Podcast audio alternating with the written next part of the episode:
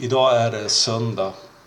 Vi håller på att avsluta och lägger upp det senaste podcastavsnittet. Tidigare idag så var det en fantastisk manifestation av styrka, enhet, kärlek på Sergels torg. Avsnittet är inspelat innan terrorattacken på Drottninggatan. Vi kommer nästa avsnitt beröra det som har hänt men vi valde den här gången att låta det inspelade avsnittet bli veckans avsnitt.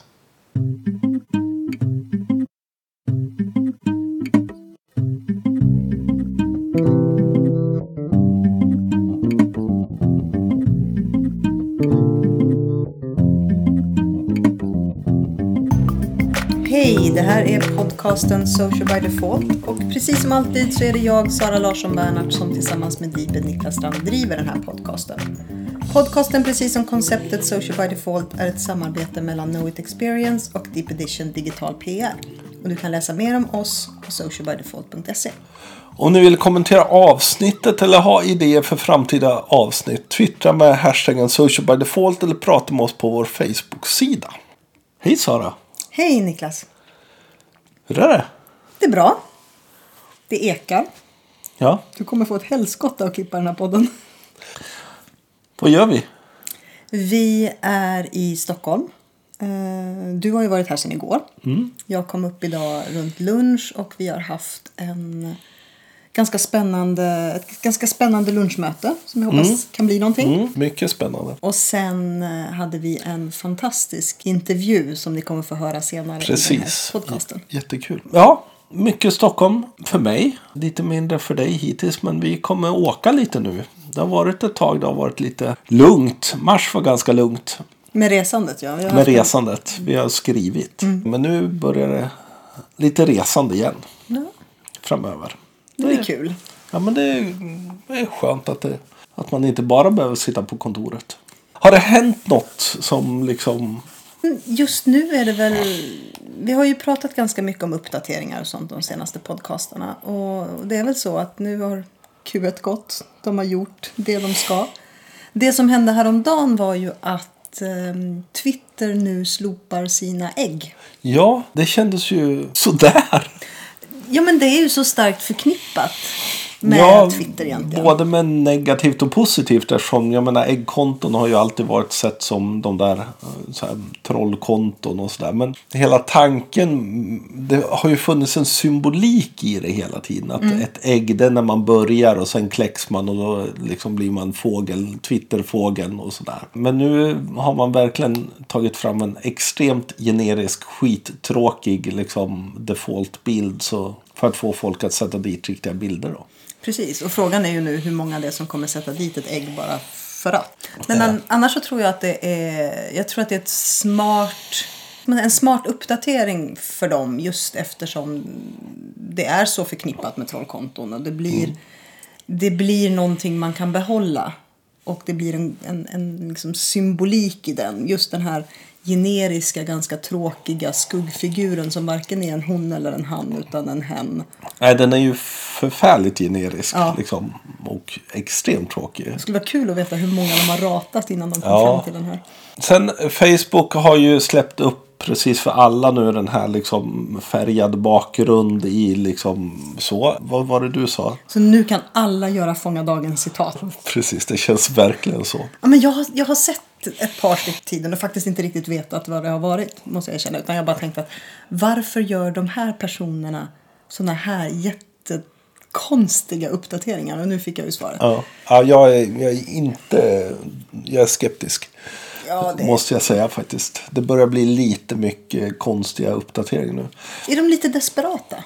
Kanske. Att de ser att eh, uppdateringarna går ganska rejält ner. Mm. Alltså något måste det ju vara. För det såg vi ju redan i eh, de siffror som kom precis runt jul tror jag det var. Eller strax före. Att vi gör inte lika många egna uppdateringar längre. Nej. Men vi tenderar å andra sidan att dela mycket mer saker som som andra producerar. Mm. De testar ju också, en del, en del har fått det, en liten raketsymbol. Och så när man klickar den så fick man ett helt alternativt nyhetsflöde. Som liksom styrs av, inte av den vanliga algoritmen utan av en annan algoritm. Och det har förvirrat väldigt många. Ehm, så det är mycket testande på gång eh, på Facebook. Mm. Du har, vi har ju haft lite bubblor istället för kommentarer. Och det har varit... Eh, jag tror att vi pratade om det senast. Att när, när folk kommenterade under uppdateringar på desktop så dök det upp som ungefär som DN. Du fick en eget mm. lite och det har inte jag fått. Så de testar väldigt mycket, mycket på gång. Ehm, och det kan vara så att de ser en förändring i vårt beteende. Ehm, det intressanta är då att ändå fundera hur det här påverkar företag och sådana saker. Och i vår intervju mm. Så eh, intervjuar vi någon som jobbar väldigt, väldigt mycket med Facebook. Där Facebook är en av de, en av de viktiga sociala mediedelarna och vik, en viktig konverteringskanal. Mm. Vem har vi träffat? Vi har träffat, eh, jätteroligt måste jag säga, vi har träffat Hans Kulin. Precis. Min gamla vapendragare genom blogg bloggtiden. Mm. Som då jobbar på Barncancerfonden som sociala medieansvarig. Här kommer den intervjun. Idag har vi en gäst som eh, jag har känt otroligt länge. Genom eh, först bloggar och sen genom hela sociala medier-svängen. Hans Kulin är här äntligen. Hur länge har vi känt varandra? Ja, jag började blogga 2004. Så ja, det måste var... ha varit då. Ja, precis. Jag började 2003 med Researcher där någonstans. Det är sedan den tiden. Ja. Mm. Det är ganska roligt. Mm. Och nu får jag göra min blogg, eller podddebut. Du har inte varit med i Nej, podden? Så alltså. väldigt kul att få vara här. Ja, och det är ju en ganska intressant. För igår så ställde jag faktiskt frågan. Är podcasten den nya bloggen?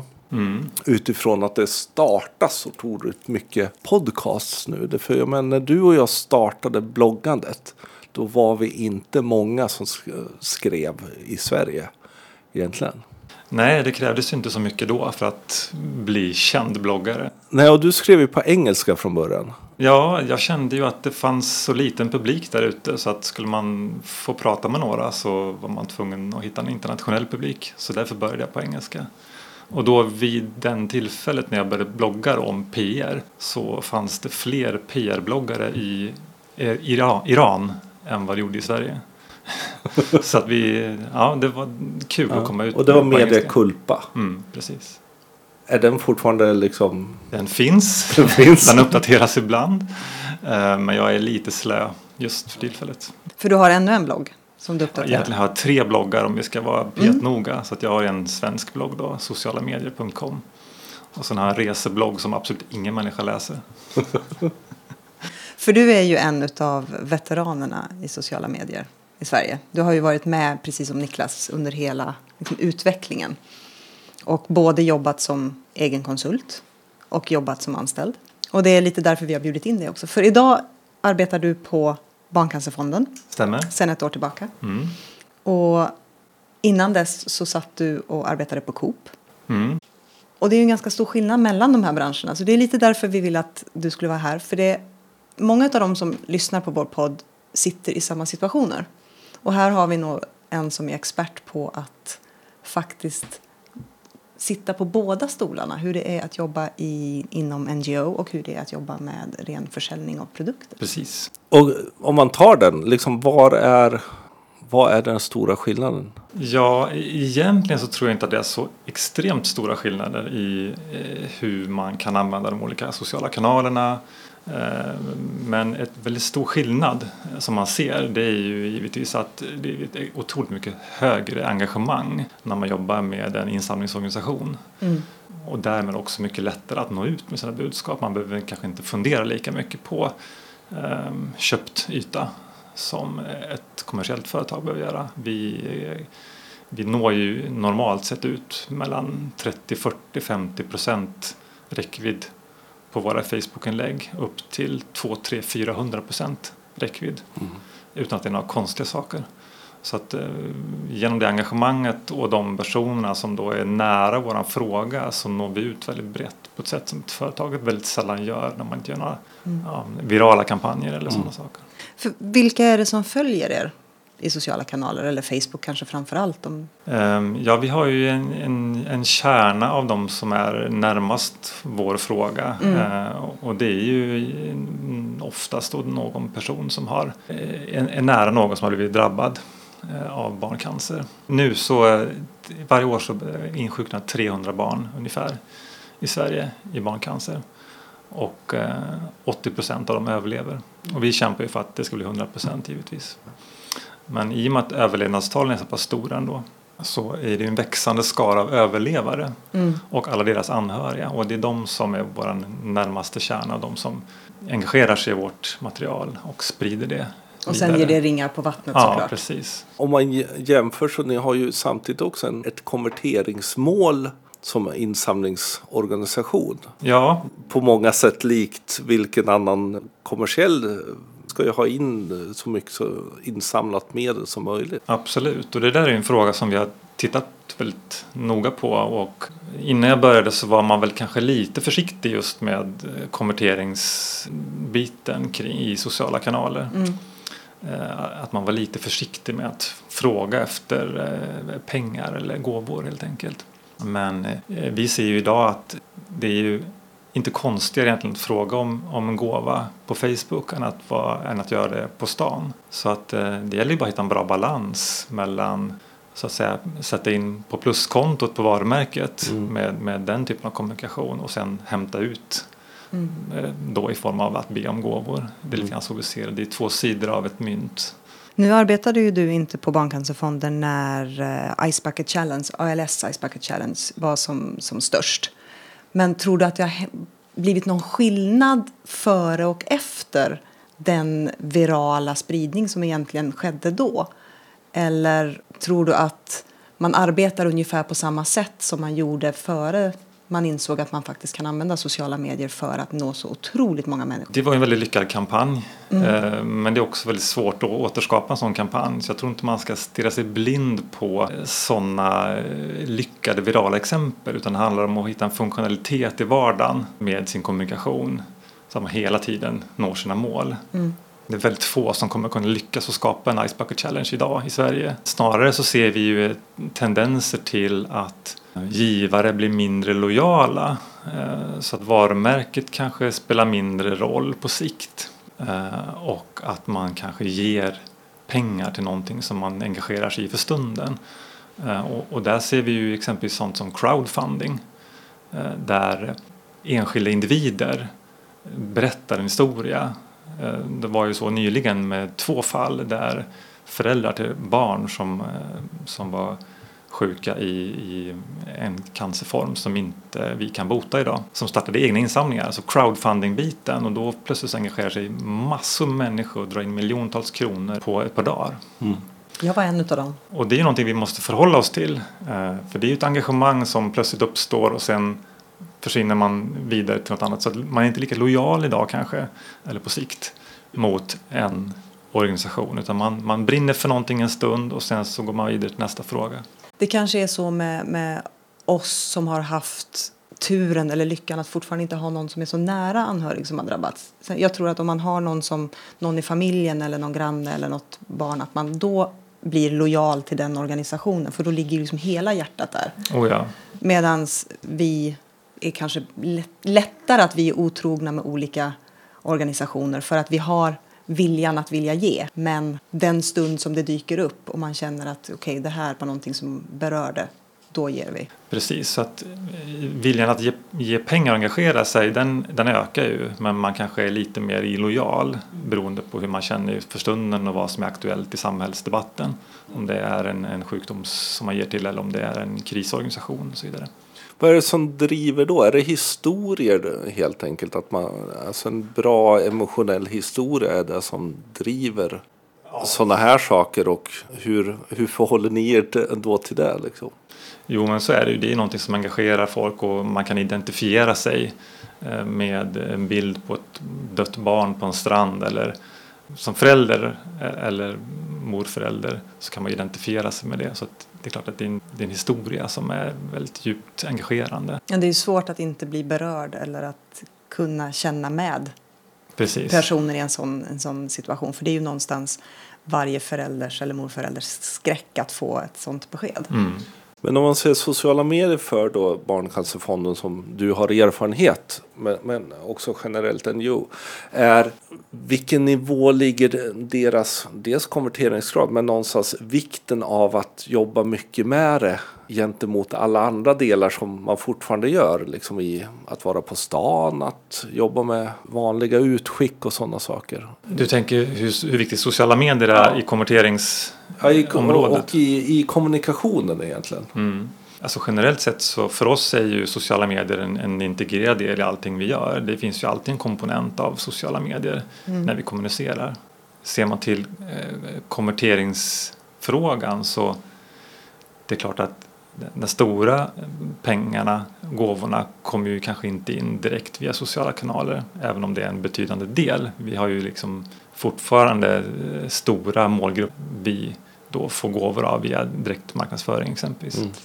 Klassiskt DM. Men, men det finns ju många aspekter med sociala medier som är lite intressant Eh, och vi har ju den fördelen att vi kan ju konvertera var som helst. Jag hörde någon som pratade om att det var svårt att konvertera på Facebook men vi kan ju konvertera på Facebook, vi kan ju konvertera någon annanstans. Vi har ju inga problem med att lägga upp information i en instant article eller, eller Google AMP. Vi kan konvertera där, det räcker för oss med ett swishnummer. Eh, så det, det distribuerade sättet att, att nå ut och konvertera där ute i kanterna på, på, på, på den digitala kommunikationen det är ju det är inget problem för oss då om vi bestämmer oss för att göra det.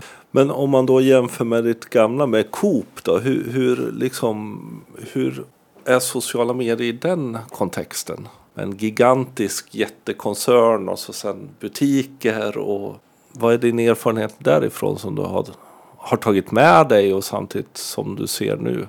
Det är klart att det finns många skillnader. En är ju just kundtjänstfrågan eh, där vi idag på Barncancerfonden inte har några stora volymer av frågor som vi måste lösa av kundtjänsttyp. Det är klart att vi har frågor men, men inte på den nivån som, som det var i ett företag som Coop där man mer eller mindre använde Facebook som, istället för Google eller för att kolla upp information i butiken. Alltså man kommer med frågor som hur mycket hur många procent socker i det här brödet och, och då måste man ju knyta in kundtjänsten direkt i det flödet för att sociala medier personerna sitter ju inte på de svaren. Då blir man bara ett filter emellan så att säga.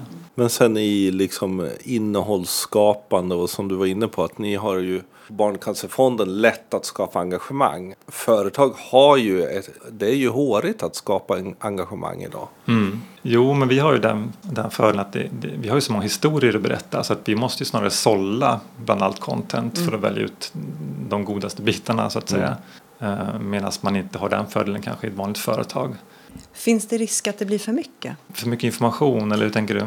Nej, men jag tänker att vi, väldigt många av oss betraktar våra Facebook som vårt personliga vardagsrum. Vi har våra vänner, vi har våra bekanta och vi vet ju att man blir irriterad om det är för mycket sälj. Det är därför företag bland annat har så svårt att skapa engagemang. Finns det risk att det blir för mycket utav era historier? Att det blir för nära så att man känner att man orkar inte för det är ju ganska, det är ju ganska tunga frågor. Mm. Jo, vi tittar ju väldigt noga på hur olika typer av innehåll eh, sprider sig eh, och försöker lära oss hela tiden av det. Ehm, och sen försöker vi också hitta en balans. Vi har ju tre ändamål som vi ska fylla och det är ju dels informationsändamålet och berätta ut i samhället att barncancer är den vanligaste dödsorsaken för barn mellan 1 och 14 år. Eh, och sen så har vi den andra biten som är råd och stöd då till drabbade och deras familjer. Och sen har vi då eh, forskning som vi ska finansiera. Så det vi kommunicerar ska ju vara en lagom balans av de tre sakerna. Det är ju den ena sidan och sen så har den andra sidan har vi då insamlingsbiten.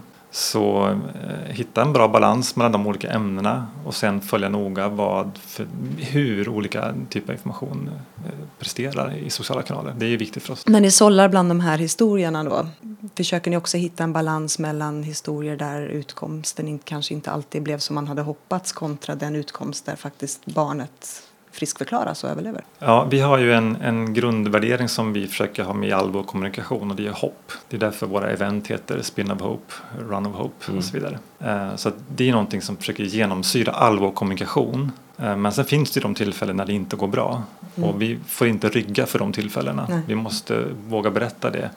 Eh, Och det säger, visar sig ju även då när vi i de tillfällen när det inte har gått tillräckligt bra och vi inte har varit tydliga med det. Då har ju familjer som har drabbats opponerat sig. Att vi borde vara tydligare med att det här finns ingen bot. Nej. Så att eh, även de vill att vi ska vara tydliga med, med att, Så att skapa riktigt hopp men inte falskt. Men om man tittar kanaler då, hur, hur ser det ut för er? Facebook, viktigt gissar jag. Ja, vi har ju, Facebook är ju givetvis vår viktigaste kanal.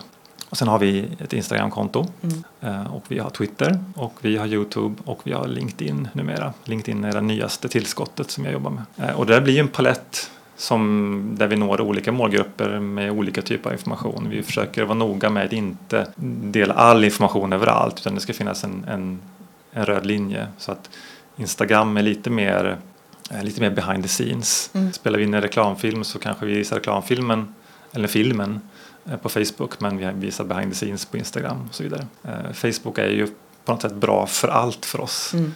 Eh, och på Twitter når vi opinionsbildare eh, men även eh, drabbade. Eh, och eh, Youtube har blivit en väldigt viktig kanal för oss på sistone. Eh, vi har väldigt, ökat väldigt kraftigt på Youtube sista halvåret. Vad gör ni på Youtube? Det blir lite våran container för rörligt material givetvis.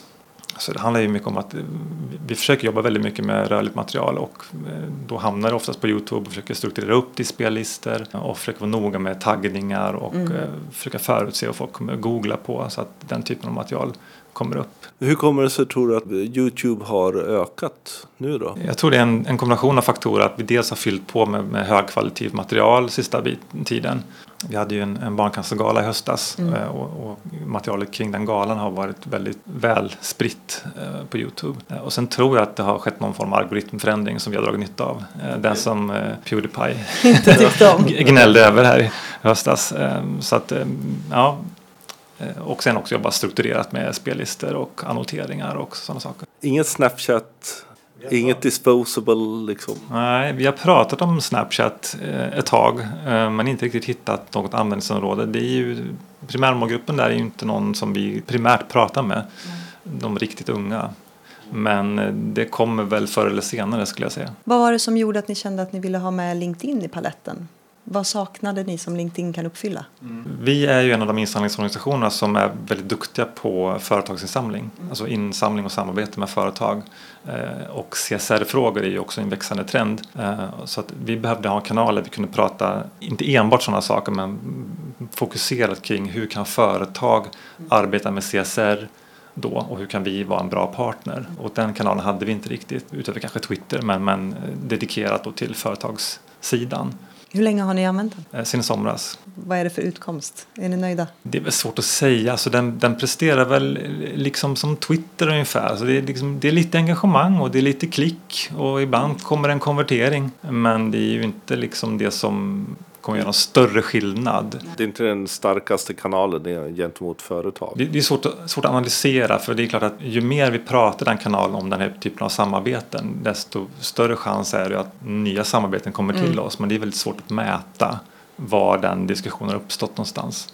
En, en del företag kommer ju, nej men vi skiter i LinkedIn, det ger ju ingenting. Liksom. Men ni känner att det, det är något att- på lång sikt att satsa på? Jo men absolut och speciellt eftersom insamling från företag är en växande marknad också så tror vi absolut att det är ett område som vi måste ha kanaler att prata om de frågorna. Vi har så många historier att vi kan inte få ut allting på Facebook. Om du tittar på de, vad det blir, nu blir, 15 år eller någonting sånt där som du mer eller mindre ändå har jobbat i. För du, var ju, du började jobba med Linklaters med sociala medier när du var PR-ansvarig där. Så du var ju en av de första faktiskt av oss som började jobba med det. Liksom. Vi andra var ju lite glada, hej och hå. Om än i liten skala. Ja. Om du ser de här, liksom, vad, vad, vad har hänt? Oj, vilken stor fråga. Nej men på den tiden det var ju väldigt amatörmässigt. Eh, som man jobbade, man testade sig fram väldigt mycket. På den tiden så var man tvungen att förklara för omvärlden att, att det här var ett intressant område. Mm.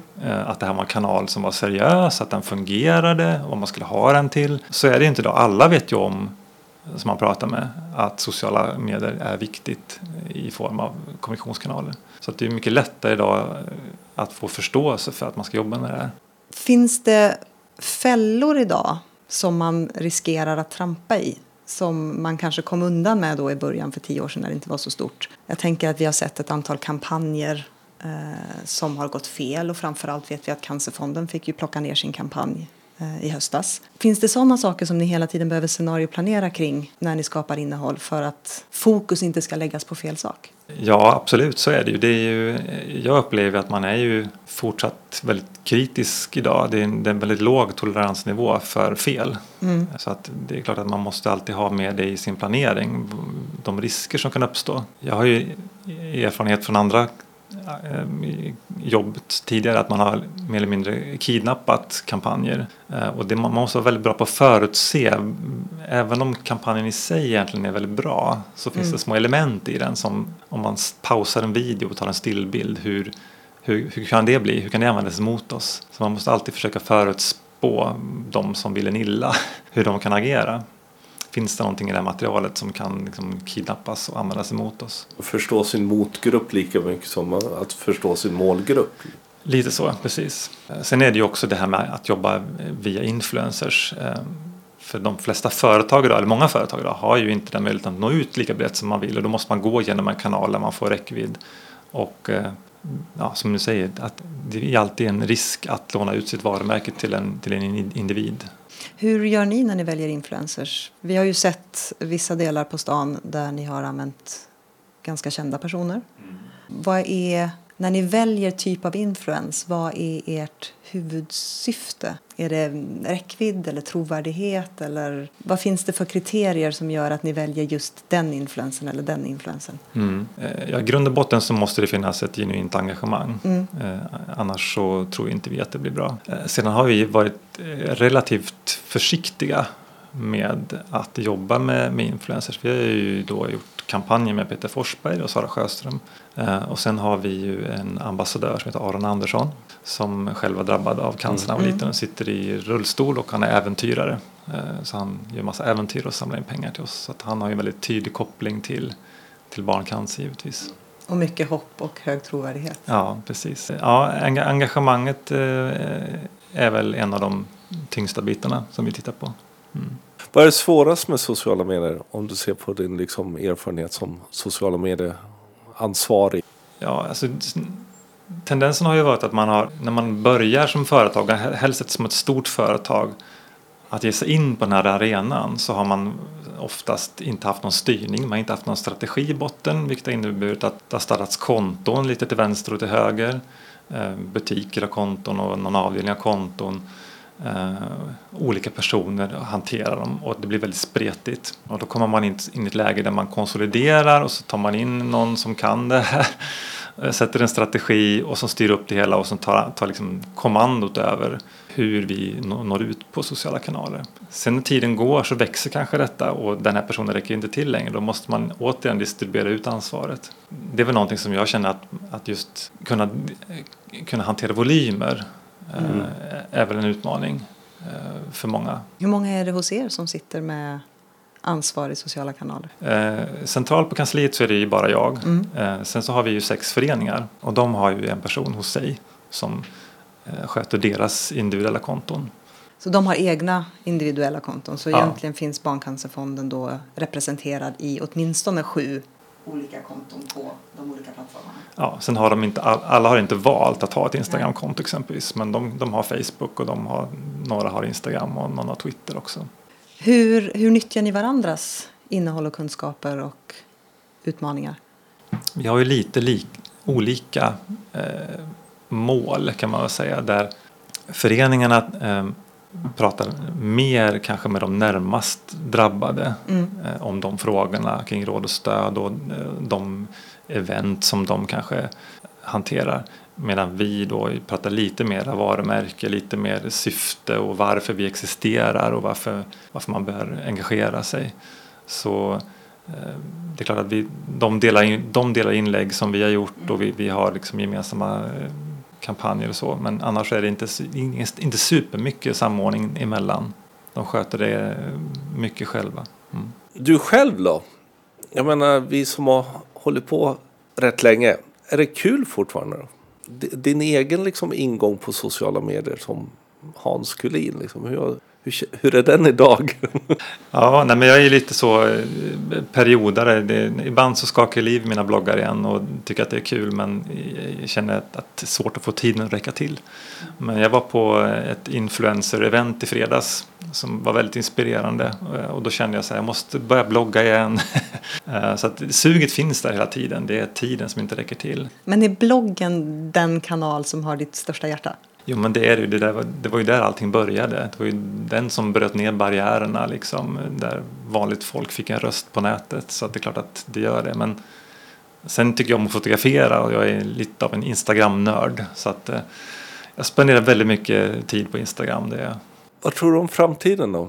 Alltså du har varit inne att det är integrerat i det vi gör. Liksom. Kommer det fortsätta ligga i den här nivån eller vart kommer sociala medier mediedelen ta vägen i kommunikationen? Det är oerhört svårt att säga men, men tittar vi på eh, hur allt fler aktörer varje år säger att vi ska bli mer aktiva på sociala kanaler, vi ska producera mer content, mer innehåll så har vi människor, vi konsumenter, inte mer bandbredd att konsumera. Så att konkurrensen ökar ju hela tiden eh, vilket ju då kommer göra att de som bara har räckvidd som ett mått, de kommer bli förlorare. Mm. Alla kan inte ha räckvidd som mått. Nej. Det funkar inte. Så att vi kommer nog se ett ökat tryck på att aktörer börjar jobba mer med andra typer av mått på sin närvaro eh, och inte minst då konvertering om man har sin affär online på något sätt. Mm. Hur kommer vi eh, privatpersoner reagera om företagen och organisationerna nu skapar ännu mer innehåll i de här kanalerna som vi egentligen bygger upp våra intresseliv i? Mm. Det beror ju väldigt mycket på hur plattformarna agerar också tror jag. Eh, de har ju också ett intresse av att det är en bra balans mm. mellan dina vänner och företag. Så eh, ja, vi, vi är fortsatt engagerade i det företag gör. Mm. Eh, jag tror inte det finns någon trötthet där ännu.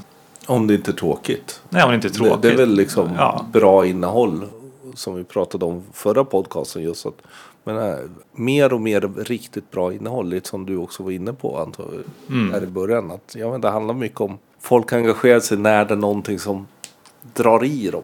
Jag tänkte på när vi pratade om influencers förut.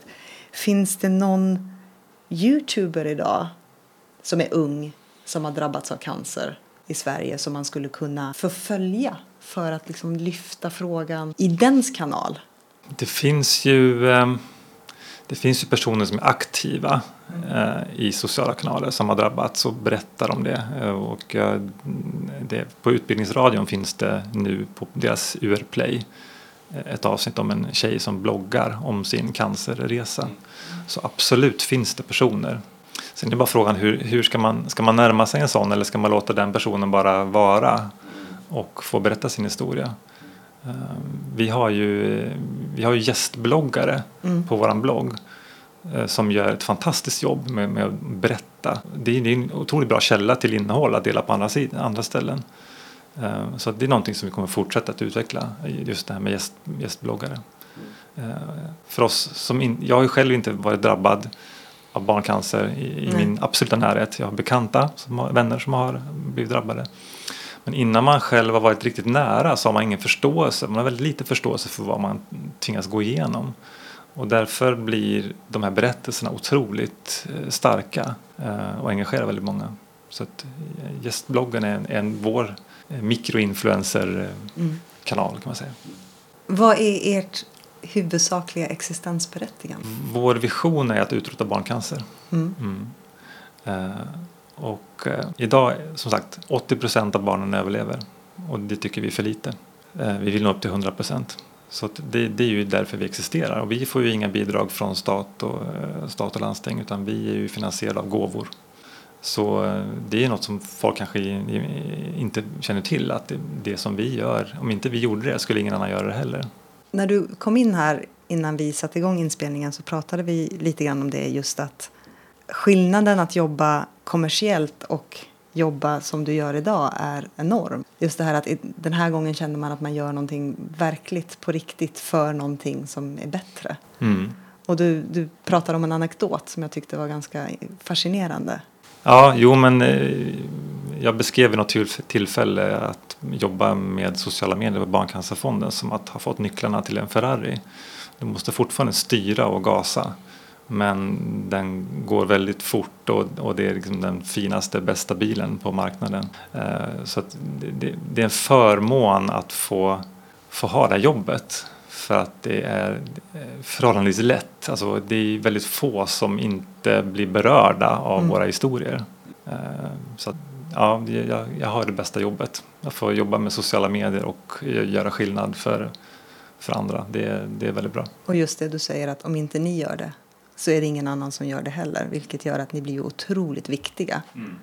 Tack så mycket Hans för att du kom. Att du tog dig tid och ville vara med i podden. Ja, tack själva. Kul att ses igen. Detsamma. Tack. Otroligt intressant. Ja, och jag höll på att säga som vanligt i våra intervjuer så mm. när vi avslutar och tycker ja men det här blev en bra intervju och så sen börjar jag packa ihop, lägga ihop mickarna och så och så fortsätter man prata och så kommer det såklart upp massa mer spännande saker. Så ibland skulle man verkligen behöva ett par timmar och låta micken vara på. Bara låta det gå liksom. Jag kände att jag i vissa delar av intervjun kanske fastnade lite för mycket för barncancer. Det är så svårt att inte ryckas med. Och det är engagerande och det är otroligt, otroligt spännande att se NGO-delen i det också. Och det är ju en av de anledningarna egentligen just att det är så engagerande som, att, som gör att det fungerar så otroligt bra för dem i sociala medier. Mm. Det var det vi hade idag, den här veckan. Mm. Hoppas att ni eh, tyckte att det var en bra podcast.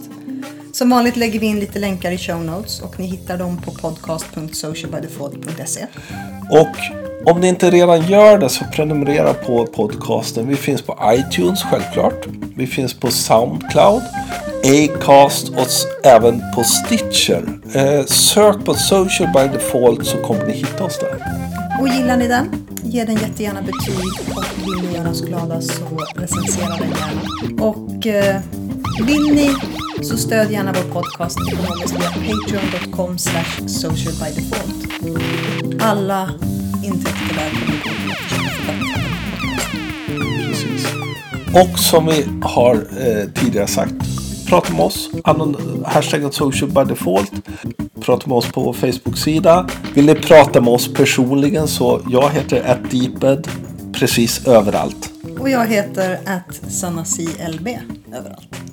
Tack för oss. Tack.